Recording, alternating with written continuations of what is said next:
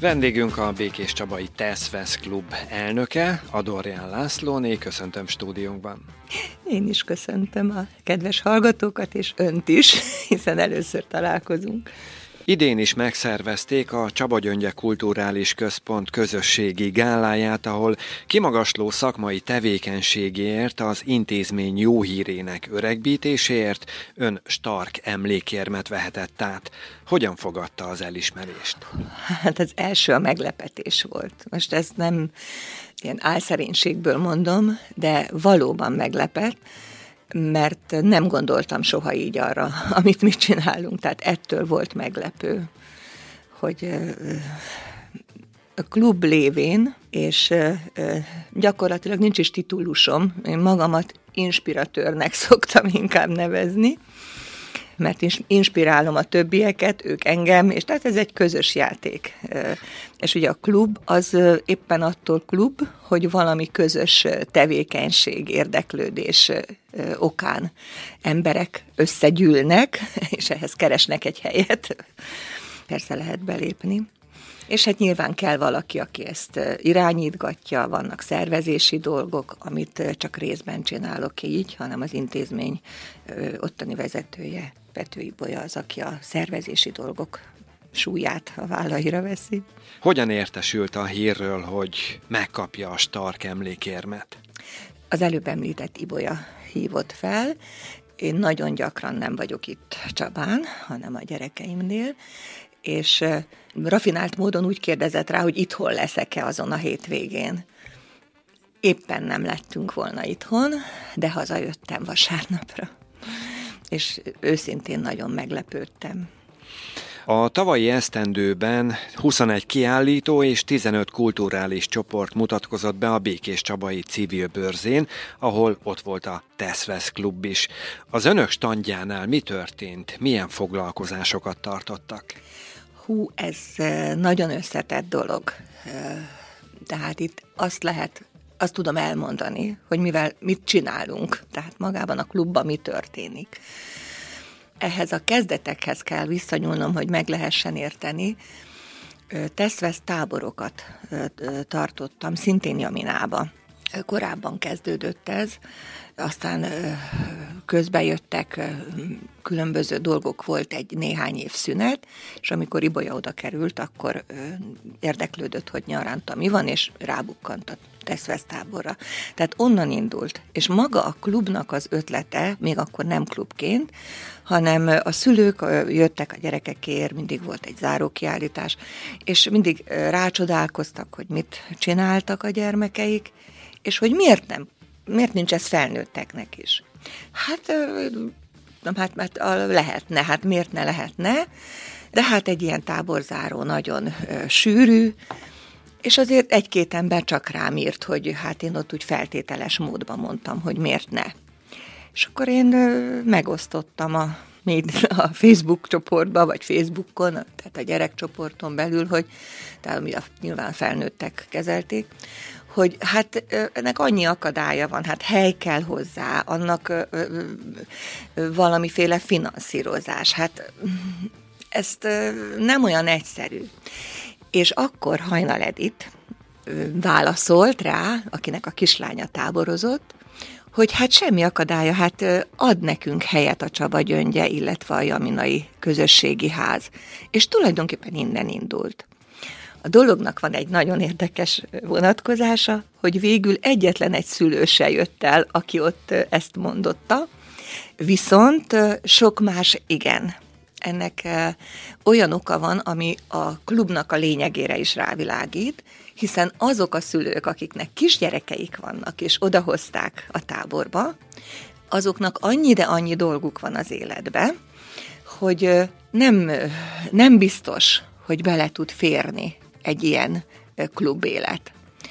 De kiderült, hogy ott vannak a mondjuk így nagymamakorúak, 50, inkább 60 plusztosak, akiknek van idejük, még fontosabb, szükségét érzik, tehát valójában ez a klub két dologból táplálkozva jött létre, az egyik annak a szükségességének vagy annak a szükségletnek az érzése, hogy valahova szeretnék menni, ahol hasonló dolgok történnek, mint amit én szeretek, vagy, vagy amit szeretnék csinálni. A másik, hogy valamilyen módon mindenki csinált valamit. Tehát horgolt, kötött, vart, tűzománcozott, gyöngyöt fűzött, vagyis teszveszelt.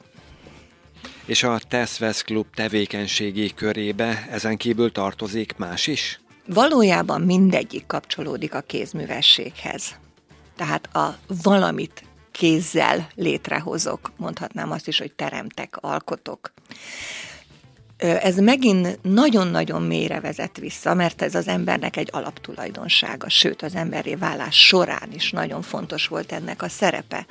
Kölcsönösségen nyilván volt egy tapasztalás, valamit látott, vagy mintát követett, most ez sok minden lehet, de ebbe a körbe tartozik, és utána megpróbálta ő maga is azt létrehozni, megcsinálni. Ha már azt tudja, az visszahat arra, hogy, hogy mi mindent tud vele létrehozni, és aztán ez így folytatódott szépen a történelem során. A népművészetben ezek a dolgok nagyon szép egységben vannak jelen. És ami a, a kézművességnek számomra az egyik, hát meghatározó, nem is jó szó, azt hiszem, hogy talán én ettől mindig meghatódok. Az az idő, amit valaki beletesz. Tehát egy kézműves terméknek az értékét nagyon meghatározza a készítője által belefektetett idő. És aztán ehhez jön hozzá nyilván az anyag költsége, hogy úgy mondjam, a minősége, hogy hogyan jeleníti meg azt a terméket. És az is az is benne van, hogy milyen gondolatot jelenít meg benne, annak a tárgynak mi a funkciója. Benne van a készítőjének az érzései, az akkori hangulata, benne van az egész személyisége.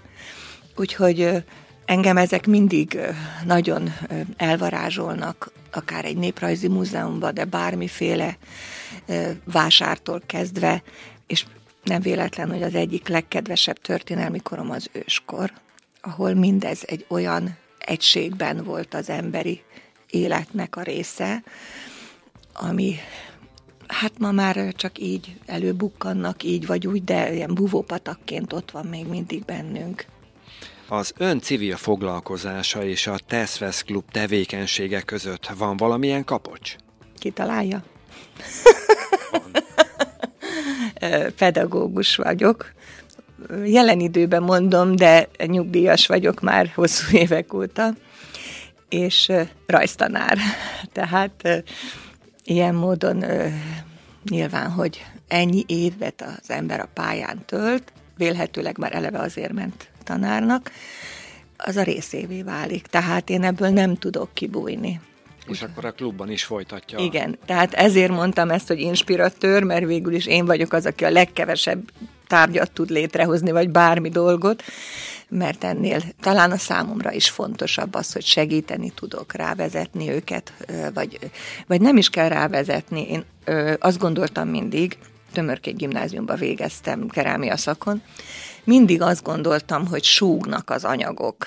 Tehát, hogy megsugja, mit lehet vele csinálni. Ezt mondhatnám úgy is egy hasonlattal, vagy hogy fából vaskarikát nem lehet csinálni, tehát a fa is megmondja, hogy mit lehet, meg a fém is. Tehát a klubban, miután klub, nagyon sok a beszélgetés. Van, aki hoz személyes problémát, vagy nem is így mondanám, hogy problémát, élethelyzetéből adódóan valamit, ami nagyon foglalkoztatja. Van úgy, hogy, hogy beszélgetéssel telik el az idő. Van, aki beszélget, van, aki közben öltöget, de benne van az is, hogy valamit meglátunk másnál, jaj, de jó, ezt mi is szeretnénk. És akkor ő megtanítja nekünk, hogy hogy csináljuk. Minden emberi tevékenységnek van egy rá jellemző, sajátságos nyelve, amivel a leghatékonyabban tudja elmondani. Ez a nyelv megismerhető, tanulható, továbbfejleszthető. És mindig tartozik hozzá egy technika, amivel a legink, legjobban el lehet azt a dolgot mondani. Hát a kézművességnek is megvannak a maga technikái. Alapvetően talán a legfontosabb az, hogy textillel dolgozunk 90%-ba. De nem csak textillel, papírral is, ünnepek kapcsán bármilyen természetes anyaggal, tehát karácsonyi asztali dísztől kezdve, koszorúkészítés és minden más egyéb, de azokat ünnepkörökhöz kötve csináljuk. Bekapcsolódik a Teszvesz Klub, a Jaminai Közösségi Ház olyan tevékenységébe ünnepkörönként, például, vagy például a Jaminapba, vagy a karácsonykor az adventi készülődésbe, tehát annak mi is részesei vagyunk. És ezen kívül, ahogy mondtam, a, a textil, ami nagyon szépen mutatja, hogy hogy működünk. Az első és nagyon-nagyon sikeres téma a batikolás volt. Ami azért az volt, mert a táborban is az volt a legsikeresebb, mindenkinek nagyon tetszik, rácsodálkozik, és hát akkor kezdjük azzal. Ősszel kezdtünk szeptemberbe, úgyhogy karácsonyra már mindenféle dolgot tudtunk készíteni, vászontáskákat, csillagmintás hajtogatott batikolással, és ez jól mutatja azt, hogy hogyan lehet egy tevékenységet, véleményem szerint, hatékonyan, eredménnyel, eredményesen csinálni úgy, hogy az első mozzanattól kezdve sikerem van benne, és van valami további haszna, tehát praktikuma fel tudom használni minta követéssel történik a dolog, tehát ha így csinálom, ha úgy csinálom, ez lesz belőle, kipróbáljuk. Jé, tényleg az lesz belőle. Mi van akkor, ha változtatunk rajta? Akkor azt is megpróbáljuk, de akkor már biztos, hogy van, aki azt mondja, hogy mi van akkor, ha így csinálom, vagy úgy csinálom. A festésnél is egy színnel kezdtük. De mi van akkor, ha? Tehát így ö, aztán egyszer csak kiderül, hogy jé, hát sokkal jobban csinálod, mint én. Na hát, hogy ez nekem nem jutott eszembe. Na körülbelül így működünk. És akkor vannak a vart textilek, illetve most a nagy, másik nagyon-nagyon kedves technika az ecoprint.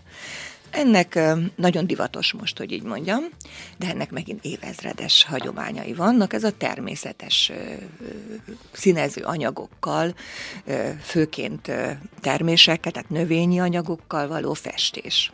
És ennél ugyanez van. Ilyen tém módon én is a internetről ismertem meg, kipróbáltuk, nekiálltunk kísérletezgetni, és most már hihetetlen színvonalon csinálják a klubtagok, mert hogy én ebben még csak alig-alig tevélegesen alig vettem részt, mert nagyon nehéz volt kitalálni, hogy mit, hogyan, még akkor is, hogyha ezeknek a textil festésnek ennél a technikájánál az ember tudhatja, hogy mit, milyen kémiai reakció zajlik, mi történik, ha. De nem tudjuk az időpontot, a mennyiséget, stb. Fémsókkal lehet egyébként kihozni a növényekből a tannind, a csersavas festőanyagot tulajdonképpen. Úgyhogy ez, ez mindenkit végtelenül izgatott, és nagyon igazi rácsodálkozások voltak. Na de valamit ezekből csinálni kell, ezek ott vannak, ezek a textilek, na és akkor minek vannak ott? Mit csinálunk vele? Vannak a, ö, olyan körülöttünk lévő ismert tárgyak, textiltárgyak, vagy bármi, amire hát könnyen azt mondjuk, hogy na hát akkor nézzük meg. Ott megint jöttek először a vászontáskák, de amelyik olyan szép volt, akkor miért ne lenne az egy textilkép? Akkor mitől kép az egyik, ugyanaz az anyag? Miért nem kép, hogyha táskára teszem? és jöttek a hímzések. Ugye nem egy hímző szakkör, nem, nem ilyen vagy olyan stílusok vagy tájegységek szerint hímzünk. Nem is mindenki hímzett. Volt, aki azt mondta, hogy ő aztán nem. De hát hol kezdődik az öltés? Amit mi azt mondjuk, hogy fércöltés. Honnan indul az a legöltőbb, legegyszerűbb öltés technika. És ami a dolognak az egyik legszebb része, és megint csak azt kell mondanom, hogy mindig meghatódom, amikor rá gondolok, hogy bármerre nézzünk a világba, mindenhol ott van ez az öltés. Bármerre nézünk, mindenhol ott van, hogy újrahasznosítom, felhasználom. A meglévő textilt. Valamikor a textil kézzel jött létre. Benne van az a, az anyag iránti tisztelet, a másik ember munkája iránti tisztelet, hogy nem keletkezik felesleg, hogy az utolsó szösznek is van valami értelme, haszna, még mindig, még mindig szolgál bennünket, ha úgy tetszik. De benne volt az anyaghiány később, például a patchwork technika Amerikából indul, Észak-Amerikából, méghozzá nyugatról, ahol hatalmas volt az áruhiány, és a legutolsó kis darab még felhasználható anyagból is valamit csináltak, és akkor összevarták darabkáknak, vagy előbb a gyereknek ruha lett belőle, sorolhatnám tovább. Szélsőséges példa, pont a világ másik oldalán, Japán. Az úgynevezett boró technika, ami azt jelenti, hogy elnyűjt, folt, elnyűjt, inkább ez a szó a legjobb rá, elhasználó, elhasznált elnyűjt. Megint csak a szegénység. A szegény parasznak kirugatta indigóval festett egyszerű vászon kis ruhája, akkor rávart egy foltot, egy, egy már elnyűjt másik anyagból. Volt, hogy a foltjukat ki, akkor arra megint rávart egy másikat. És ma önálló textilművészeti ág lett belőle, és elképesztő dolgokat csinálnak. De ugyanígy ez a játék megy magával az öltéssel is. Mert ez egy sima fércöltés, mehet ilyen olyan irányba, leginkább azért viszonylagosan egy irányba tartanak. De ha ezzel az öltéssel már mintát varrok, akkor már azt mondja sasikó, és akkor meg azt mondja, hogy apró szúrás. Mert mire én azt a mintát felvarrogatom, aki vart már tudja, hogy sok-sok kis szúrás lesz az ujján, és akkor már díszítést visz bele, akkor mondom én, hogy díszítés, inkább helyesebb lett volna azt mondanom, hogy valamit ábrázol, akkor annak már neve van, akkor az már lehet az egyszerűbbek hullám minta, őskor. Nyilván a vízzel kapcsolom össze, vagy kapcsoljuk össze, de egészen odáig, hogy a sárkánytól kezdve bármivé válik. Például a japán tűzoltóknak sok-sok réteg anyagot vartak így össze, az óvta meg őket, tehát az volt a védőruha, és akkor arra bizony már mentek a szimbólumok, hogy az is védje. Indiába az elhasznált szárikat varják össze, és hoznak létre vastagabb textilt. Kínában megint csak az a patchwork hasonlít jobban, csak másfajta technikával varják össze az anyagot. Mindenhol ott van körülöttünk ez. Például Néprajzi Múzeumban lehet látni a gyerekjátékokat, a ronybabákat. A legutolsó, már másra nem használható kis rongyból is rátekeri egy csutkára, és ott van a kisgyereknek a játék. Na most ez egy olyan szemlélet, gondolkodásmód, amit ma is követhetünk, aki ezt fontosnak tartja. És ma is belevarhatjuk az időt. És amikor én ezt ajándékba adom, a gyerekeimnek is mindenfélét vartam, de az unokáimnak nekik ruhát már kevésbé, de minden más egyebet, akkor azt az időt is nekik ajándékozom, ami időt, idő alatt elkészítettem. Benne van az a érzés, amit rájuk gondolva bele tettem. Nem élünk egy városban, mindegyik Pestenél. Tehát nincsenek velem nap, mint nap. Tehát amikor én nekik készítek valamit, akkor mintha velük lennék egy kicsit. És hihetetlen becsbe is tartják a nagyok, akik már ö, elég nagyok hozzá, és nagyon fontos a számukra, hogy ezt mama varta. Na most ez minden más kézzel készített dologgal is így van, és ezért más, ami már géppel készül, holott ahhoz is kell az ember, aki kezeli a gépet, de nincs meg ez a közvetlen kapcsolat. A ünnepköröknél az egyik nagyon-nagyon nagyszerű lehetőség, és tényleg lehetőség a számunkra, hogy megmentsünk dolgokat, szüleink, nagyszüleink kézi munkájából, amikor tojásokat borítunk be ezekkel a régi textilekkel. És akkor én folton folt tojásnak nevezem, bár nem látszik foltnak, de akkor tovább tudom ezt menekíteni. Tehát legalább még egy generációnak továbbadom. És akkor már négy generáción ment át. Nyilván, hogy egyszer el fog halni a dolog, de akkor is ott van. Visszatérve a klubhoz, a Teszvesz hány tagot számlál, és milyen sűrűn találkoznak? Körülbelül azért mondom így, hogy körülbelül 12-en vagyunk, mert van olyan tagunk, aki online tagunk, tehát nagyon ritkán tud eljönni. És de követ bennünket a csoportba, nem egyszer ő maga is csinálja otthon, nyilván egy olyan ember, aki kézműveskedik, tehát olyan valaki, akinek megvan hozzá a, a technikai tudása, meg anyaga és eszköze is minden. Van olyan, aki most csatlakozott hozzánk, és van egy tagunk, aki az ősszel elhunyt. És azért ő még ott van köztünk, tehát eh, nem is múlt időbe beszélünk róla, hiszen körbevesz mindaz a dolog, ami, amit ő hozott közénk, hatalmas tudással, Bándiné Molnár Évának hívják, és akkor itt említeném meg, hogy eddig ez ugye nagyon úgy tűnik, hogy, hogy csak itt tesszük bele az időnket, energiánkat, érdeklődésünket, de akkor hova lesz? Vannak tárgyak, például a rongyhorgolásból nagyon használható, szeretett táskáink, szatyraink, az előbb említett tojások, meg szaporodtak a, akár ami mintaként jött létre, akár az, amelyik már önállóan tervezetten.